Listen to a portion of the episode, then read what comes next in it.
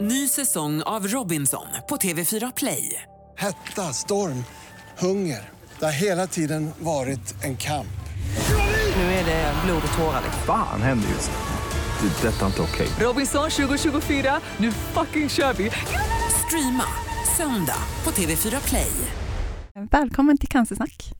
Eh, Jag heter Lotta och med mig har jag min kära vän Emma. Ja, hej. Hej! I den här podden så snackar vi cancer utifrån ett drabbat och ett närstående perspektiv. Ehm, vi kör igång. Det gör vi. Det tycker jag.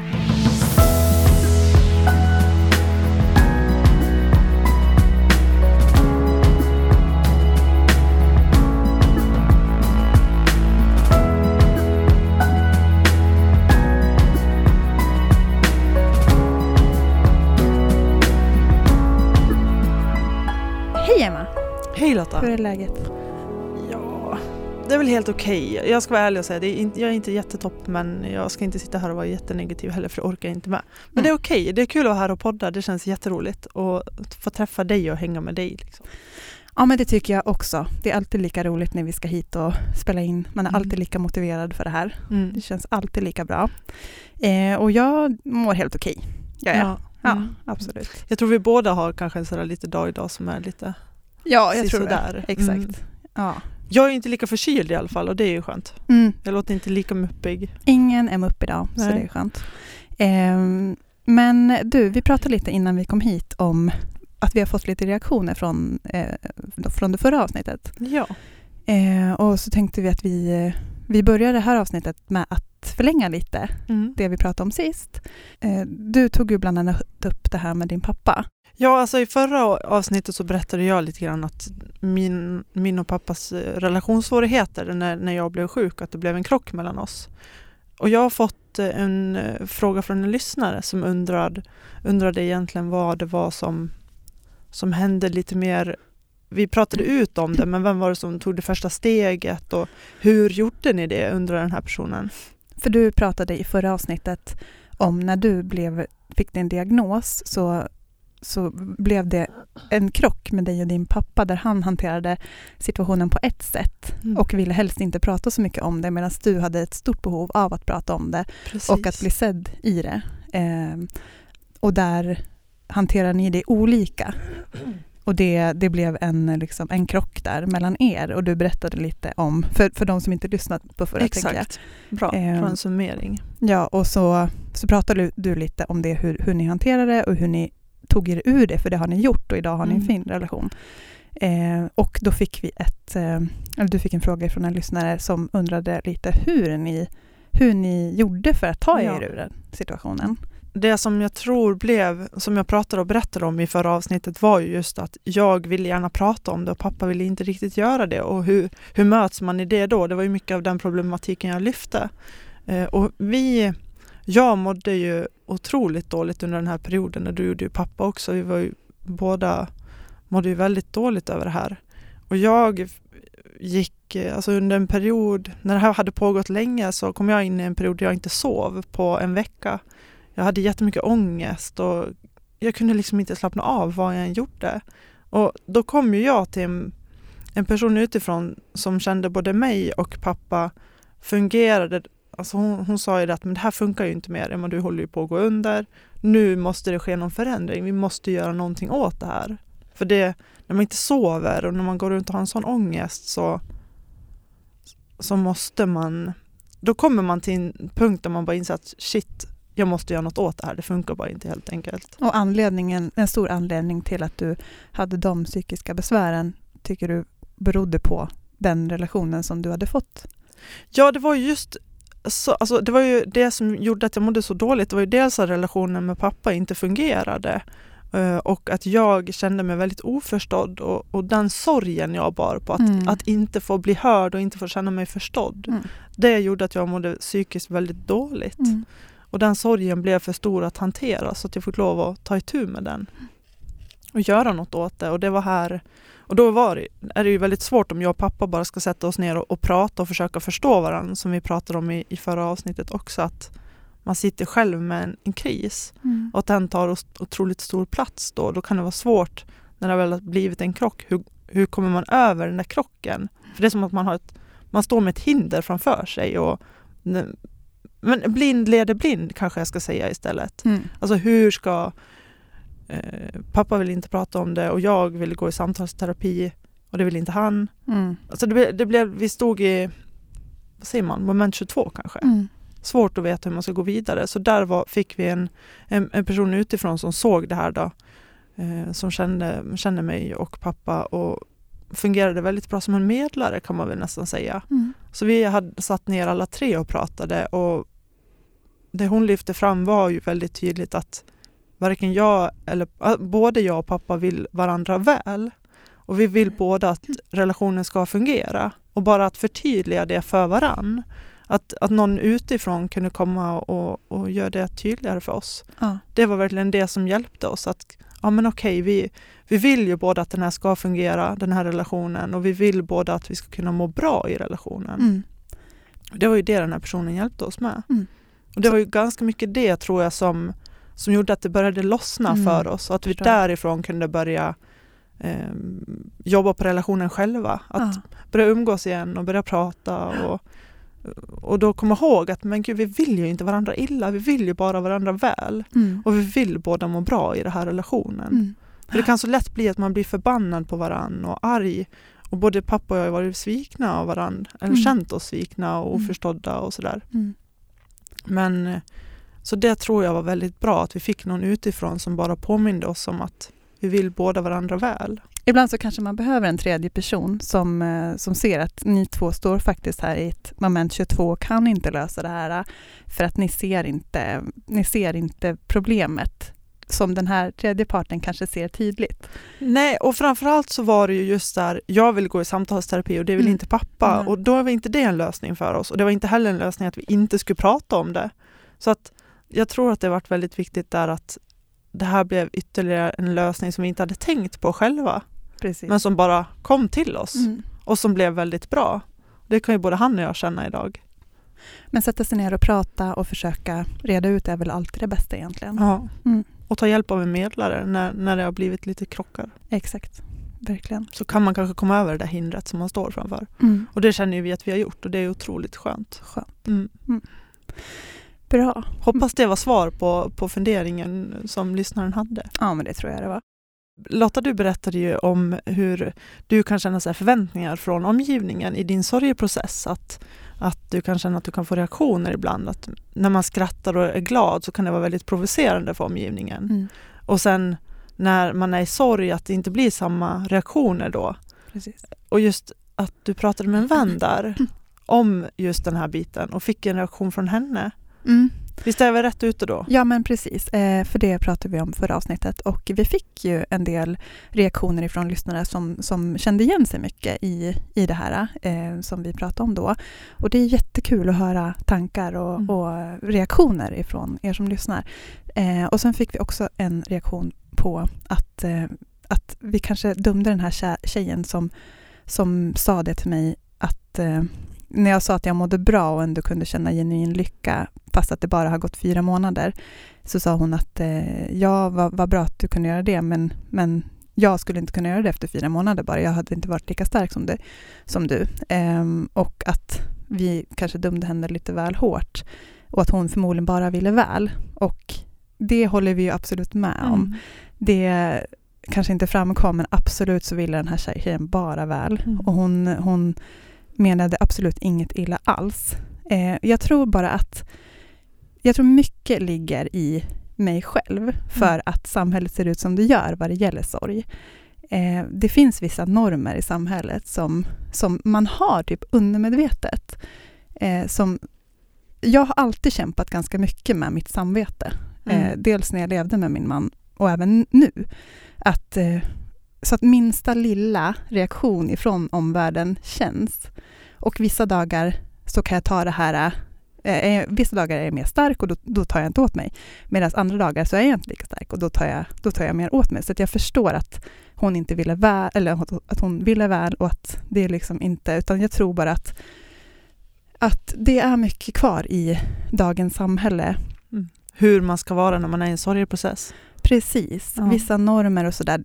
Det här gamla sorgeåret, kyrkliga, eh, som var liksom att man skulle gå svartklädd som änka ett år och titta ner i marken. Eh, någonstans så liksom ligger det kvar en viss liten, liten del i det som säger att det inte riktigt är okej att skratta och vara glad när man, när man går igenom sorg och att det kan bli så missförstånd att jaha, men gud, har hon, vadå, har hon redan kommit över nu och Mm. det, nu, är det, nu är det frid och fröjd och det, det, nu är allt lugnt igen och, och så är det ju inte. Nej. Eh, och jag tror man bara kan gå till sig själv i hur man hanterar sin sorg och, och vad man är kapabel att göra. Vad man känner i stunden tänker jag också. Att, alltså där man är, för känslor kan man ju inte styra över.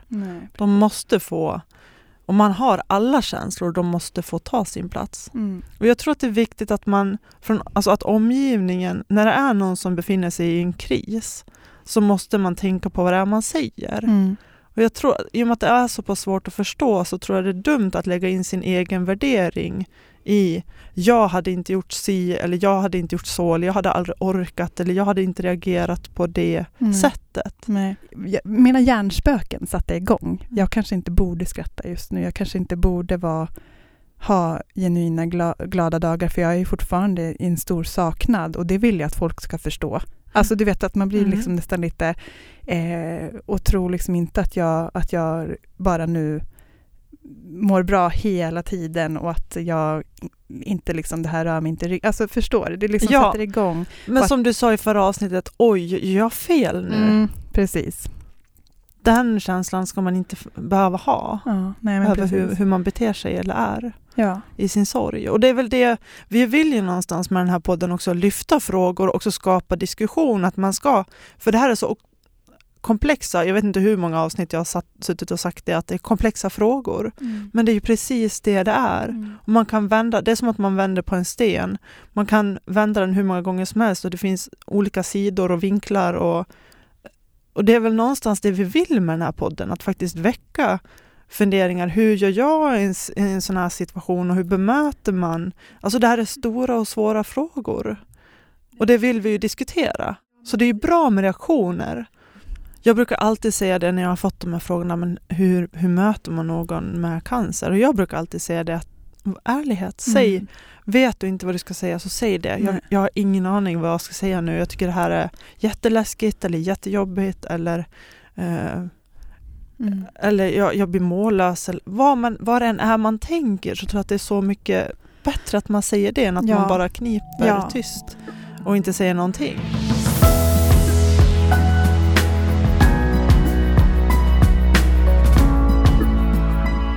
Vi tänkte så här att vi ska ha det här avsnittet till att försöka ge lite, vad ska man säga, råd eller tips kring ett par, tre saker. Mm. Och det är eh, din rätt till second opinion Mm. som cancersjuk. Eh, att du bör kräva att få en patientansvarig läkare. Och lite vad som finns för organisationer att vända sig till. Och lite vad som finns för stipendier att söka Ja. hos de här or- organisationerna. Ja, för jag Eh. tänker också det vi har varit inne lite på nu, det är ju så här stödet från omgivningen och allt sånt där också. I och med att det går in i samma. Mm. Och det är ju det, i organisationer kan man hitta väldigt mycket stöd, också så stipendier. Och, Mm. så det känns som en väldigt viktig, viktig del att lyfta när det gäller cancer. Ja, absolut.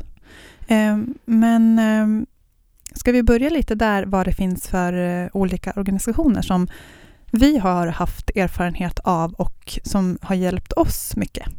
Det tycker jag. Ja, vi, vi får väl börja med Ung Cancer då såklart, för det, Mm. det känns ju som vi har pratat väldigt mycket om redan i Ja. podden. Vi har ju båda fått väldigt mycket hjälp av dem. Ehm, och de, eh, de ligger oss varmt om hjärtat. Eh, så är det bara. Och Verkligen. det är ju en organisation som vänder sig till unga vuxna emellan 16 och 30 år. Blir du medlem innan du fyller 30 så får du vara medlem Till till du är 35. 35. Exakt. Ehm, så att det är, eh, de, de har, man kan få samtalsvän eh, med personer som har varit med om liknande saker som man kan få mejlkontakt med. Eh, de har olika eh, medlemsträffar där man kan eh, komma på fikaträffar. Det finns, man gör lite olika saker. Ibland bowlar man, ibland tar man en promenad, ibland kollar man på bio, ibland så käkar man brunch. Det är lite olika, ungefär en gång i månaden. Eh, finns i många städer i Sverige, inte i alla. Eh, Nu är det ju väldigt utspritt. Nu, Mm. har, nu har de ju träffar nästan, ja men det är ju över hela Sverige verkligen. mm. Gå in på ungcancer.se, där, där, kan, där, där hittar ni all information om den här fantastiska organisationen och vad de gör. Ja. Men just att de vänder sig till närstående och drabbade. Ja. Alltså att det är båda, båda de delarna och det tycker vi är jätteviktigt. Mm. Vi är nog väldigt färgade av den organisationen Ja, också tror jag. tror det. Just det här att alla, alla känslor är tillåtna och ehm, fokus på livet och Mm. De har ju lite olika stipendier också man kan söka. precis. Eh, Så gå in och kika på det. Man kan eh, söka ekonomiskt stöd som, som drabbad. Man kan söka rehabstipendier i for, form av olika, eh, olika saker man kan göra som, som rehabilitering Mm. eh, som närstående och drabbad. Men gå in och kolla på ungcancer.se. Där hittar ni ju allt om de här medlemsträffarna, olika, de har rehabläger, de anordnar festival Mm. eh, och ja, olika workshops helt Ja. enkelt. Det Ja. finns hur mycket som helst som man kan hitta där. Och de tar också upp mycket vårdfrågor som de, Mm. de har olika kampanjer. Mm. Dels det här när vi hade Martin här i studion och gjorde det här avsnittet med Kolla bollarna. Mm. Det är ju en cancer som står bakom den Mm. kampanjen. Mm. eh, Just att lyfta testikelcancer. Så de är ju väldigt duktiga på att lyfta just eh, cancerfrågor Mm. och, och jobba för eh, brist, där det är brister i vården idag. Att försöka fylla upp dem. Precis. Eh, vad finns det mer för? Du hade koll på någon organisation? Mm. Jag, skulle, ja, jag skulle vilja tipsa först och främst om en sida som heter cancercentrum.se. Jag var in där och googlade runt lite inför det här avsnittet. just. Och på cancercentrum.se så kan man klicka sig vidare till patient och närstående. Alltså går man in på cancercentrum.se så kan man klicka sen på patient närstående. Och klickar man där så kan man gå vidare till patientförening.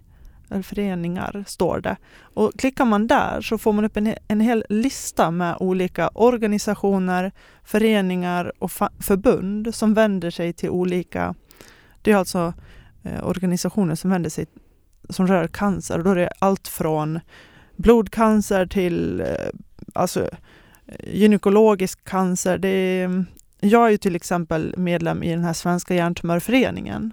Och det är då en förening som vänder sig bara till folk som har till, till patienter som har hjärntumör. Och eh, otroligt viktigt och bra. Och just på den här listan så kan ni hitta massa olika, beroende på vad du har själv för cancer, så kan du hitta andra, många av de här organisationerna och föreningarna och, och, och så, de, där finns det ju andra, precis som i cancer där man kan få träffa andra och prata om, man kan få dela med sig sina erfarenheter, få kontakt med andra. Samtalsvän har ju väldigt många. De har, vissa av, av dem har ju träffar och också mycket information. Du kan också få svar på väldigt mycket av dina frågor om, om du tittar på de här olika hemsidorna. Så kika på, på cancercentrum.se och sen patientföreningar. Och så kan du då titta, har du till exempel blodcancer, klicka då på den länken på blodcancer så kan du hitta förening vart det finns i närheten för dig, där du bor. Mm. Eh, och också vad, vilken hjälp du kan få. För jag tänker det, just att det är otroligt bra oavsett vilken cancer man har. Att det Mm. kanske kan vara skönt att träffa någon som har samma cancer, Mm. oavsett om det är hjärntumör eller prostatacancer eller ja, vad, nu kommer jag inte på, mm, alltså Hodgkins lymfom eller Mm. bröstcancer eller vad det än är. Så i den här listan hittar du alla som vänder sig igen mot, ja, Jättebra att det Ja. finns samlat. men precis, en samlad lista över olika cancersjukdomar och deras föreningar helt Mm. enkelt. Jättebra. Så den, tänk, den listan slår jag ett stort slag för. Mm. Sen hittar jag där även en organisation som heter Randiga huset. Mm. Och det är en ideell verksamhet som ger stöd till barn och familjer som har eller kommer att förlora en viktig person i dödsfall. Och det känns ju som någonting som är otroligt viktigt och jag tänker också på på våra lyssnare om det kanske är någon som har cancer som har förlorat sin förälder i cancer eller alltså, tänk så en par familjer som kanske nyss har förlorat sin partner men som har barn. Och så här, Mm. Hur pratar jag med mina barn om eh, deras mamma eller pappa som inte finns längre? Mm. Hur har man ett sådant samtal? Vad säger man? Och, och på Randiga huset så kan man få hjälp med, med de här bitarna och förstå bättre vad, vad ett barns och ungdomsbehov är i sorg och hur Mm. man hanterar det, vad man kan säga. Mm. Och det tyckte jag var otroligt viktigt och väldigt bra. Bra organisation, den verkar bra. De har också träffar i Stockholm och Göteborg, Mm. eh, om jag inte säger fel nu. Men så, så den, den kan jag rekommendera verkligen. Att jag tror att den kan vara väldigt bra för familjer som går igenom dödsfall och sorg. Att få hjälp i det, för det måste ju vara något som är så otroligt svårt. Att veta hur man ska hantera, hur pratar jag med mitt barn om det här? Eller hur gör vi i familjen nu? Det låter som en fantastisk organisation. Ja, väldigt viktigt känns det som att det, det arbetet de gör.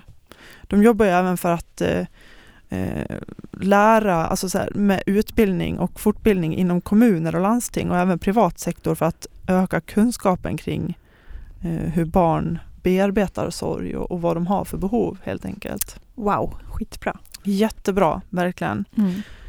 Ja, och jag ska väl säga det, den här listan som jag nämnde på, för den är ju just för patienter. Mm. Och, så för patienter är det ju väldigt bra, men sen kommer vi också till närstående sidan och Mm. där kanske du har något bra Lotta? Jag vet att det finns en sida som heter cancerkompisar.se där man kan eh, jag tror att man kan eh, blogga där inne Mm. eh, som närstående och man kan även ja, hitta andra i, i liknande situation. S- och, som närstående då. Eh, och Där få det ingen- samtalsvänner och, och sådär. Nej, det är ingen målgrupp där utan det är, eh, för det finns en sida som heter Nära cancer också, Mm. men det tror jag är för unga vuxna närstående. Eh, ja, där man har någon som har i sin närhet som har Mm. drabbats av cancer. Men can cancerkompisar, eh, de sträcker sig till, till alla oavsett ålder. Så det är ju Jättebra. superbra. Mm. Det jag tycker saknas eh, på närstående bit sidan är eh, för, jag vet inte hur mycket det finns för drabbade, men det, finns, det, det skulle finnas mer där också, alltså i rehabläger och sånt, Ja. alltså där man jobbar mer konkret på, på rehabilitering. Det skulle det ju behövas finnas ännu mer. Men det finns ju det finns ju lite som drabbad man kan söka. Jag vet att Cancer och rehabfonden är en fantastisk organisation där man kan vända sig som drabbad. Där man kan få åka på, på rehabveckor och träffa andra i liknande situation och så. Eh, och Ungcancer har ju också rehabläger för, Mm. de har ju både för närstående och drabbade. Exakt. Eh, men det skulle, det, där skulle jag vilja slå ett slag på att det skulle fin- behövas finnas ännu mer för närstående. Ja. För att åka iväg på, på rehabveckor även för närstående. Mm. Eh, det tycker jag saknas idag. Det gör det och jag kan känna, jag håller verkligen med där och jag tror att det är just det här lasset man drar som, som närstående, att det kan komma långt efter. Och att man när man har någon som är sjuk i sin närhet och man är otroligt involverad i, Mm. i, i dens, den personens sjukdom och vardag så, så tar det så otroligt på energin. Det är Mm. som att man ständigt går runt på sina reserver. Mm. Och man behöver ju då som närstående också ibland få en paus. Att Mm. bara komma iväg och faktiskt ta hand om sig själv. Mm. För att man lägger så mycket fokus på den som är drabbad, att man vänder ut och in på sig själv. Absolut. Och där känns det ju som att, jag vet inte om det finns speciellt mycket där idag för närstående. Nej, det gör det inte. Det finns inte mycket tyvärr. Det, Och det skulle behövas. Ja, det skulle verkligen behövas. Eh, och alltså rent allmänt så skulle det behövas ännu mer sådana insatser både för, för drabbade och för närstående i samhället än vad det gör idag. Och det finns ju bland annat liksom knappt någonting inom sjukvården Mm. som man kan söka. Eh, de ger ju, sjukvårdens kuratorer så ger ju tips på olika stipendier man kan söka och så som när man drabbas av cancer. Eh, men de är ju inte så många tyvärr. Eh, det är ju en bit som behöver, det behöver jobbas på. Men det, det här, Cancer och rehabfonden är ju också en, som jag sa, en organisation som man kan vända sig om Mm. som drabbad. Då. Så in där och kika också. Ja, för Och de anordnar ju sådana här läger. Ja, Sen har precis. de även olika workshops och aktiviteter. Mm. Eh, Superbra. Föreläser också för att Ja. sprida kunskapen. Och Mm. det är där eh, vi Lotta, alltså, så- när vi sitter och pratar om det här, just när vården tar slut, när man är färdigbehandlad eller Mm. sjukvården ehm, är väldigt dålig på rehabil- rehabilitering överlag. Mm. Det, det finns i princip ingen alls. Tittar jag på mig själv också så har ju inte jag fått speciellt mycket hjälp där utan Nej. det var hem och lev ditt liv nu och det är ju väldigt så, så Ja. det, ofta det är så. Precis. Så det är ju någonting vi hoppas ska kunna bli bättre. Mm. Och det, det görs ju framsteg men eh, vi kan väl trycka på det lite mer tycker jag här. Ja, absolut. Ja men det är väl lite tips. Men som sagt, har, ta tag i penna och papper och skriv ner cancercentrum.se. Klicka på patient närstående och där hittar du patientföreningar. Och där kan du då i listan hitta en, en eh, organisation eller förening som vänder sig till just din cancerform som du har. Ja. In och kika på hemsidan så hittar du all information där vad det gäller stöd och eh, vilken hjälp du kan få.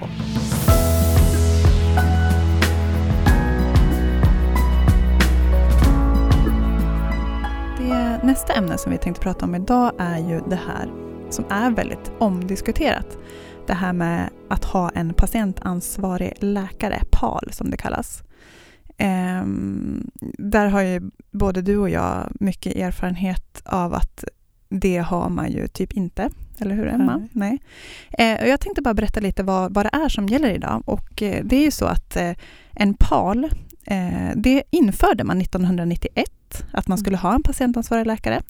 Eh, och det här blev en, eh, en hälso och sjukvårdslag. Och det skulle ha som syfte att främja kontinuitet och eh, patientens anknytning eh, till en viss läkare. Då, att att eh, patienten hade den här eh, kontinuiteten och en tillit på en, en och samma läkare. Eh, det här togs bort från lagstiftningen år 2010 och då eh, så ersattes det av en fast vårdkontakt som det heter. Och det är ju alltså en då som ska ha ansvar för samordningen kring patienten. Eh, det, det som är tänkt då är ju att den här vårdkontakten ska utses av verksamhetschefen och eh, Eh, och det här det ska göras om det är nödvändigt för patientsäkerheten eller om patienten önskar det. Eh, och där, där så uppstår ju då en tröskel för att det här införs eh, för varje patient. För att eh, det är ju inte varje patient som ens har koll på att man kan ha en sån här fast eh, vårdkontakt Nej. och önskar det till den, ens läkare. Liksom. Det gör man ju liksom inte. Och det här, den här fasta vårdkontakten, den behöver heller inte vara en läkare, utan det är bara vid livshotande tillstånd som, som den här vårdkontakten då behöver vara en läkare, eh, enligt Socialstyrelsens föreskrifter. Alltså idag så saknas ju faktiskt oftast någon som har ett övergripande medicinskt ansvar för patienten, eh, som har en kronisk sjukdom eller en allvarlig komplicerad sjukdom. Och eh, det blir ju då att, att alltså konsekvenserna av det här blir ju eh, att patienterna skickas runt utan att ha, alltså det är ingen som har den här medicinska helhetsbilden. Eh, man får inget tillit till läkaren som man har om man får träffa olika varje gång. Ehm, det, är ju, det, det allra bästa är ju såklart att ha en, en och samma läkare hela tiden som känner till hela ens historia, hela, alltså det medicinska, allt runt omkring, allt som har varit. Det skapas tillit, det skapas liksom en... eh, Ja, det, det, är ju, det är ju bra på alla sätt och vis. Verkligen. Och där har ju både du och jag, min man hade ju säkert ja, hur många olika läkare. Jag tror att det var, det var en, ett halvår som han hade samma läkare.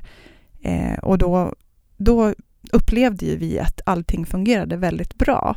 Hon, kommunikationerna mellan sjukhus som var fungerade, eh, uppföljning fungerade, allting kunde liksom vara i en mer helhet, mycket bättre än, än då, vi, då hon gick på mammaledighet och vi träffade en ny läkare i princip varje gång. Mm. Eh, det, var, det var, jag minns en gång eh, då eh, vi satt och väntade i väntrummet. Då hade vi kanske träffat tre olika läkare eh, vid de tre ol- tidigare tillfällena som vi hade varit och träffat, ja, skulle få besked eller sådär. Eh, och då satt vi och väntade i väntrummet i säkert 20 minuter och sen så när vi eh, fick komma in så bad han om ursäkt, då var det en ny läkare. Han bad om ursäkt och, och menade på att det var ju en hel del att, eh, att sätta sig in i och läsa journalen och sådär. Eh, så, att, så att han var tvungen att, att, att läsa igenom först ordentligt så, så att han visste lite mer. Bara det inger ju inte så mycket förtroende att, att den här människan känner inte alls, alls eh, till oss. Och, eh, och då min man fick också så beskriva då varje gång vi träffade en ny läkare hur han mådde, hur, hur liksom eh, dra allting snabbt från början så att mm. han bara skulle få höra det från honom också. Eh, och det, det blir inte så bra. Där är det ju ett jättestort problem. Där kan jag känna igen mig otroligt mycket och jag tror att det är också jättevanligt mm. att att det är många vårdkontakter som är inblandade. Dels när man är sjuk men dessutom då man hela tiden ska träffa nya läkare så mm. blir det en otrolig påfrestning och det blir inte speciellt bra kvalitet i vården heller. Nej, det blir ju liksom klurigt när man, eh, när man har en allvarlig cancer mm. och varje gång så måste man gå igenom sin sjukdomshistoria. Ja. Och alltså, jag vet att vissa läkare kunde vara så här, det var ju två gånger du hade blivit opererad, eller hur? Visst var det det? För jag har läst lite. Nej, det var fyra gånger. Ja, ah, okej. Okay.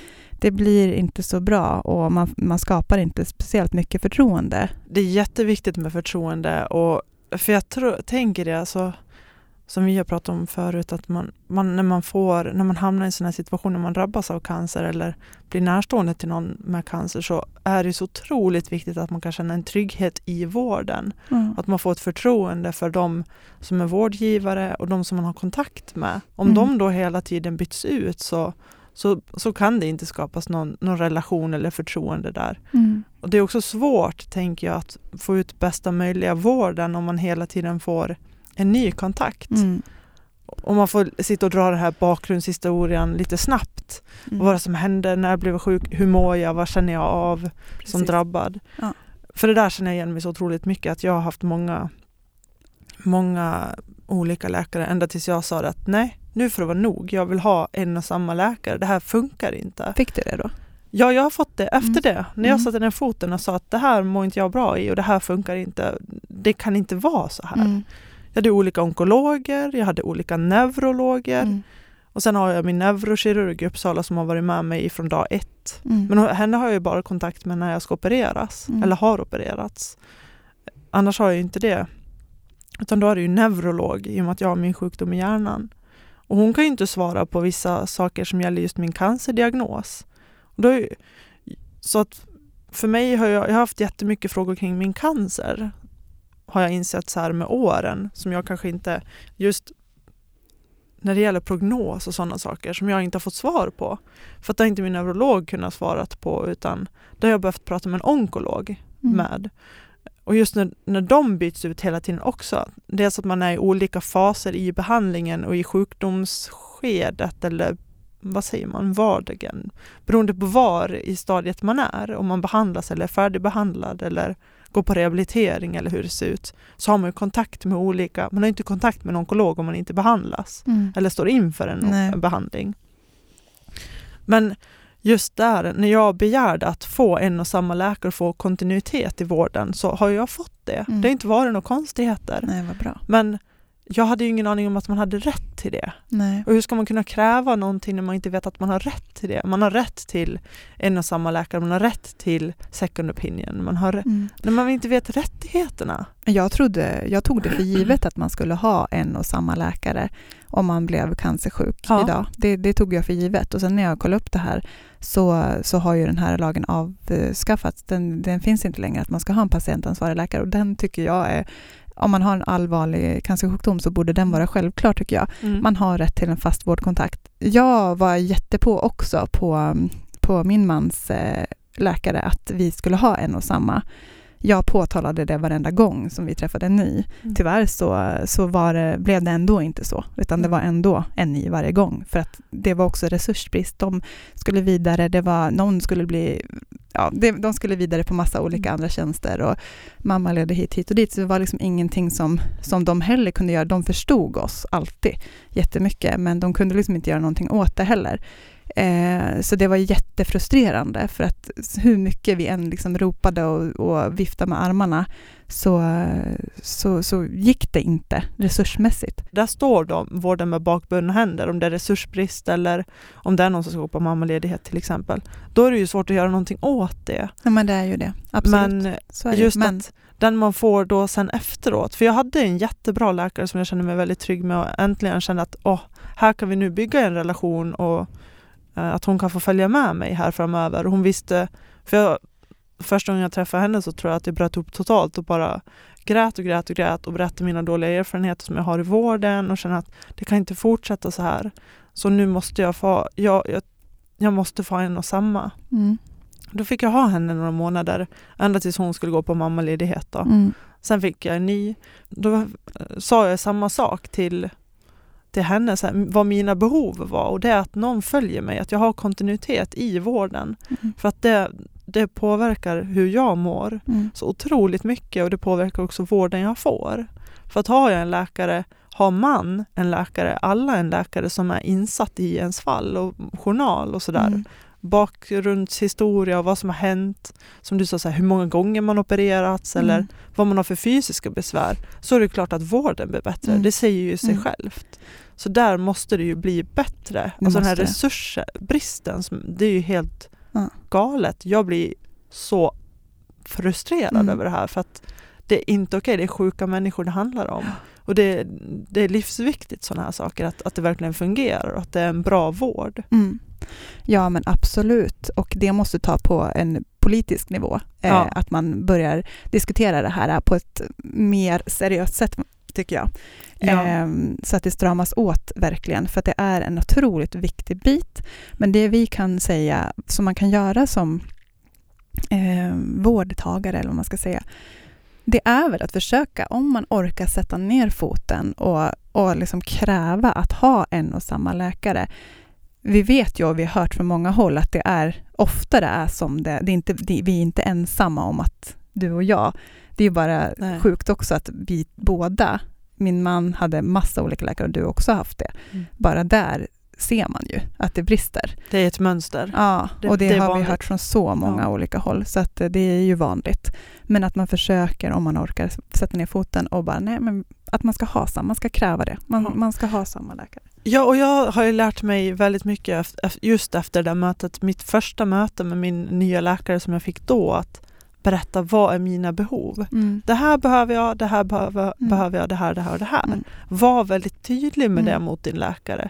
För att då kan det också vara lättare att ge dig det, det du behöver. Mm. Och det har jag fått sen, sen dess Mm. med, med de läkarna jag, och det, det har blivit så här stående grej jag kör varje gång jag får någon ny vårdkontakt eller om jag börjar en ny samtalsterapeut. Det här är behovet har jag. Mm. Kan du ge mig det? Mm. Nej, nej okej, då vill jag ha en ny eller en annan. Mm. Eller, Mm. Mm, för då vet också läkaren vad, vad som krävs av den och vad Mm. den måste rikta fokus på i, i situationen. Absolut, det är För jättebra. alla att man- patienter är olika. Precis, att man förklarar faktiskt hur man känner och hur, vad man behöver för att, eh, för att det ska bli mer trygghet för, Ja. för, för dig och, och så. Eh, Det är våra råd kring det och, Mm. och lite vad, som, vad vi har sett, vad det är som gäller idag. Eh, Just det här med, med fast vårdkontakt och att det fakt- faktiskt inte finns någon lagstiftning i en PAL idag, vilket är otroligt synd, för det tycker Mm. vi skulle vara väldigt bra. Det tror jag skulle strama åt den här biten eh, bra. Ja, Om det är klart. Med en ordentlig lagstiftning kring det. Eh, men vi tänkte gå vidare lite på också det här med eh, att du som cancerpatient har rätt till second opinion. Vad gäller där idag Lotta? Då du har en allvarlig eh, livshotande sjukdom och får ett utlåtande om kring din diagnos eller behandling från din ansvariga läkare till exempel, eh, så, kan, så har du rätt till att få även ett, ett nytt utlåtande ifrån en annan läkare. En ny bedömning? En ny bedömning som tittar på din situation från början och gör en egen bedömning eh, och ser inte till den, läkaren, den tidigare läkarens bedömning utan en helt ny bedömning. Eh, och det här behöver absolut inte vara inom det landsting där du är utan det kan vara i ett annat landsting också. Eh, och eh, det här är ju någonting som man har för att skapa trygghet, bland annat, i, i patientens situation. Att man, man litar på att den läkaren som har gjort sin bedömning har, har gjort en rätt bedömning. Jo, är det så då att man som patient har ett eh, visst önskemål om en viss specialist eller vårdenhet så ska då hemmalandstinget tillgodose eh, patientens önskemål så långt det går. Eh, så att man ska verkligen försöka göra så att det här går att ordna. Eh, och eh, det är viktigt att komma ihåg det, att man, man har rätt till en second opinion. Att man, man, om man inte erbjuds det så är det bra att fråga om det. Mm. Eh, just för att få höra det från flera håll. Eh, det kan ju vara så att, att läkare sätter olika, alltså så att de inte riktigt gör samma bedömning. Mm. Eller så gör de det och då kanske man kan känna en ökad tillit och förtroende för att det faktiskt är rätt diagnos. Um, så det är viktigt att komma ihåg att man, att man har den rättigheten som patient.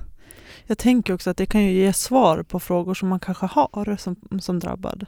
Mm. Även som närstående också. Ja. Just att, eh, att få höra det från en till, en till läkare, att de säger samma sak eller om de säger olika saker. Att man kanske kan få lite mer svar. Mm. Så har jag tänkt när det gäller min, för jag funderar själv på att göra en second opinion. Nu har jag Mm. inte gjort någon men Mm. alternativet finns ju. Mm. Men just ja, där jag tänkt att man kan, man kan få mer svar kanske. Vill, går man i tankarna själv på att ha, göra en second opinion, den du ska prata med är ju din ansvariga läkare. Mm. Så jag tänker att det är alltid bättre att slänga ut frågan. I Verkligen. värsta fall får man ett nej, men då får man Mm. också fråga varför får jag? Varför har jag inte rätt till en? Precis. Eller varför anser du att jag inte har, har rätt till en, ny medicinsk bedömning från en annan läkare oberoende av vad Exakt. den nuvarande har sagt? Precis. Jag kan ju ta ett, eh, ett exempel från, Mm. från min, eh, eh, mig och min mans eh, erfarenheter. Eh, då, då var det så att eh, han en gång hade fått tillbaka sin cancer med full kraft. Jag vet inte om det var, var tredje omgången som han hade gjort två stora operationer efter två återfall. Eh, och nu så hade han fått ytterligare ett återfall och det var under en period där han inte hade haft någon behandling. Han hade svarat på, bra på behandling innan men nu, nu hade han haft uppehåll från behandling ett tag och då hade han fått tillbaka om det var fyra små tumörer som satt avgränsat i levern. Ehm, och då pratade vi med hans onkolog om det här eh, och som, inte, som, som bara på en gång eh, ja, men avfärda liksom alla möjliga chanser till operation, utan tyckte bara att vi skulle, han skulle få behandling nu och sen inget mer med det. Eh, och då så, så, så ville ju vi såklart att en annan läkare också skulle titta på det här och då framförallt hans kirurg som vi har väldigt stort förtroende för, som, som kände min man väldigt bra. Och då ville vi att eh, remissen och röntgensvaren skulle skickas till hans kirurg. Ehm, det här, det är fruktansvärt, men de, de vägrade. Så var det. Mm. Onkologerna vägrade att skicka iväg den här, de här röntgenbilderna till hans kirurg och det vi fick höra var att eh, det här är inte... Eh, en kirurg tänker bara kirurgtekniskt och tänker inte på sjukdomsbilden utan tänker vad är kirurgiskt möjligt. Mm. Så det kändes ju som att de eh, fullkomligt, vad ska man säga, ned, alltså inte tog deras kompetens alls på allvar. Eh, de tog inte våra ord på allvar och de, eh, jag menar, även om det var så att det kändes som att onkologerna var rädda för att det skulle bli en operation. För de tyckte inte att det, att det skulle vara en operation för det här, för de tyckte förmodligen bara att det skulle förvärra. Mm. Eh, och då menar de på att kirurgerna kommer kanske välja att operera och det vill inte de. Men fortfarande, vad, vad vill vi? Det känns som Mm. att det glömdes ju bort liksom, att ta in våran del i det här.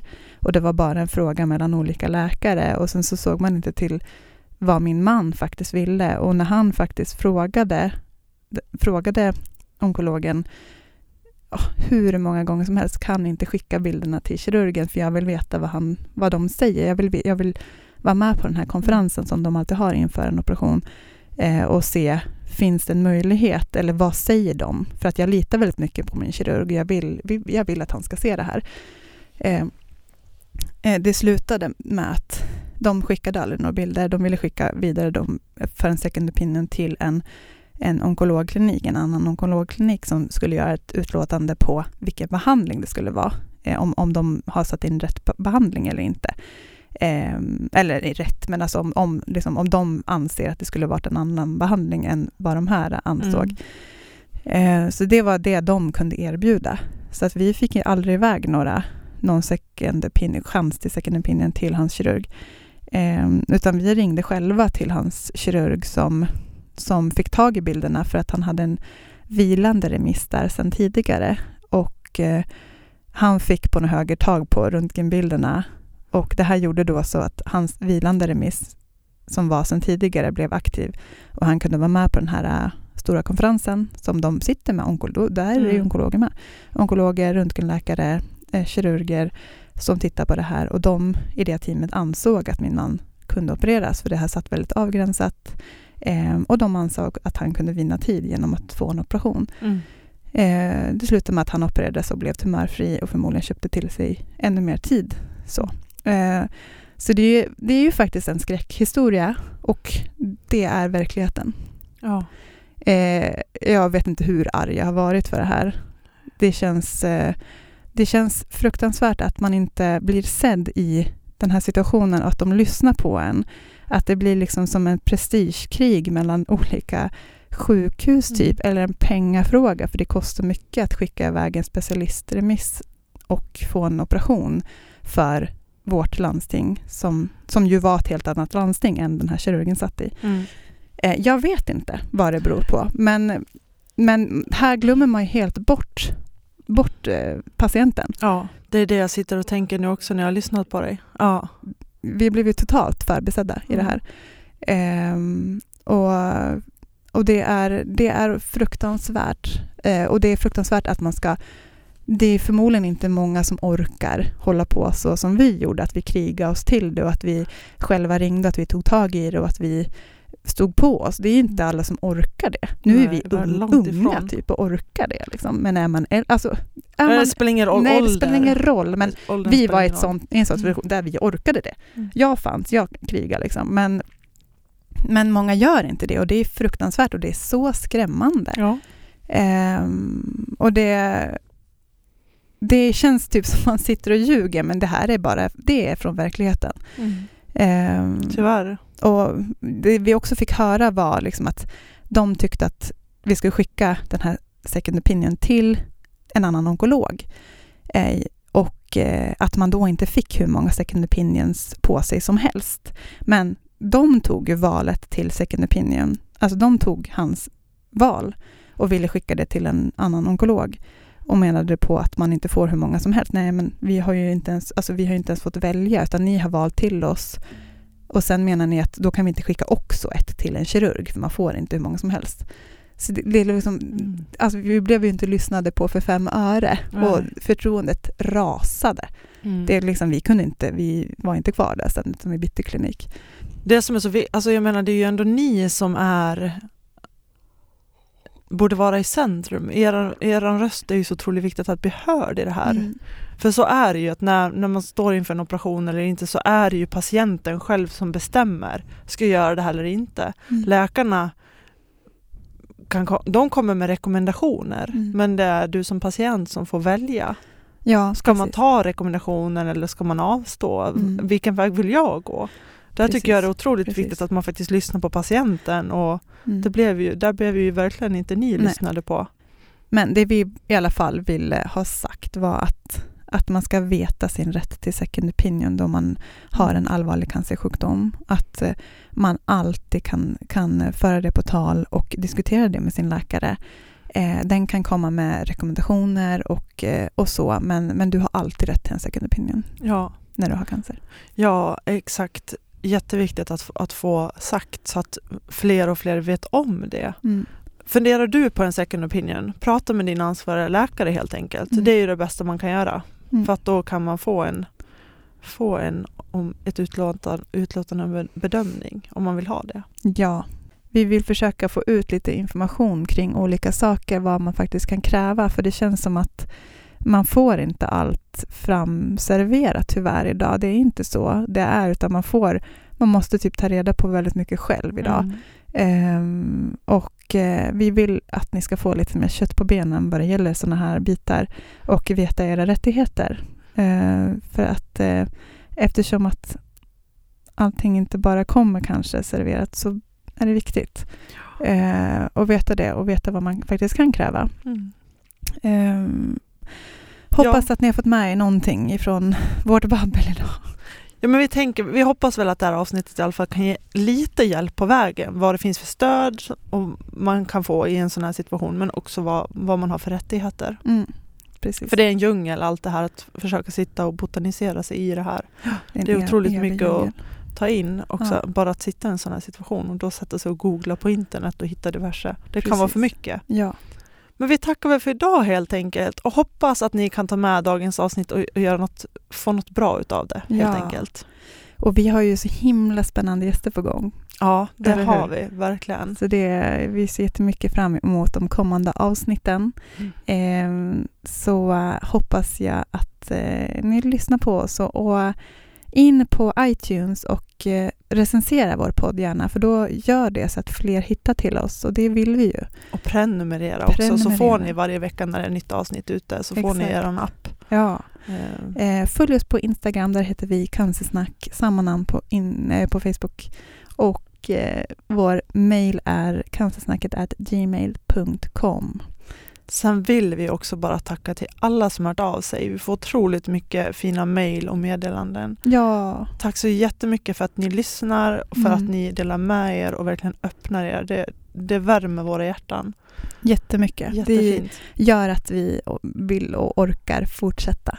Nej, men så vill vi också påminna om samarbetet som vi kör med War on Cancer. Det är ju en social medieplattform som jobbar för eh, att förbättra Ja, men de kommer jobba med olika bitar. De kommer jobba med mental bearbetning eh, som, som inte finns så mycket inom sjukvården idag för både närstående och drabbade. Man kommer kunna dela med sig av sin story där och skapa sin blogg och eh, ta del av andra stories. Och de kommer även att kunna ge information kring eh, hälsa, fitness och kost och sådär. Där man kommer kunna liksom hjälpas av varandra. De står väldigt mycket för så empowerment och eh, man kommer kunna finna inspiration på den plattformen. Och den har ju en ny lansering i juni. Ehm, vi tror att den kommer bli eh, grym. waroncancer.com. Ja, Där kan ni alltid köpa de här armband, armbanden som vi samarbetar med dem om. Exakt. Och de finns i guld, silver och roséguld. Och använd Cancersnack när ni ska beställa dem så får ni fri frakt. Mm. Ehm, det står on Cancer på dem och de är jättefina. Så in där och, och beställ ett armband. Eh, tack så jättemycket för idag, för att ni lyssnade. Tusen tack, så hörs vi nästa vecka.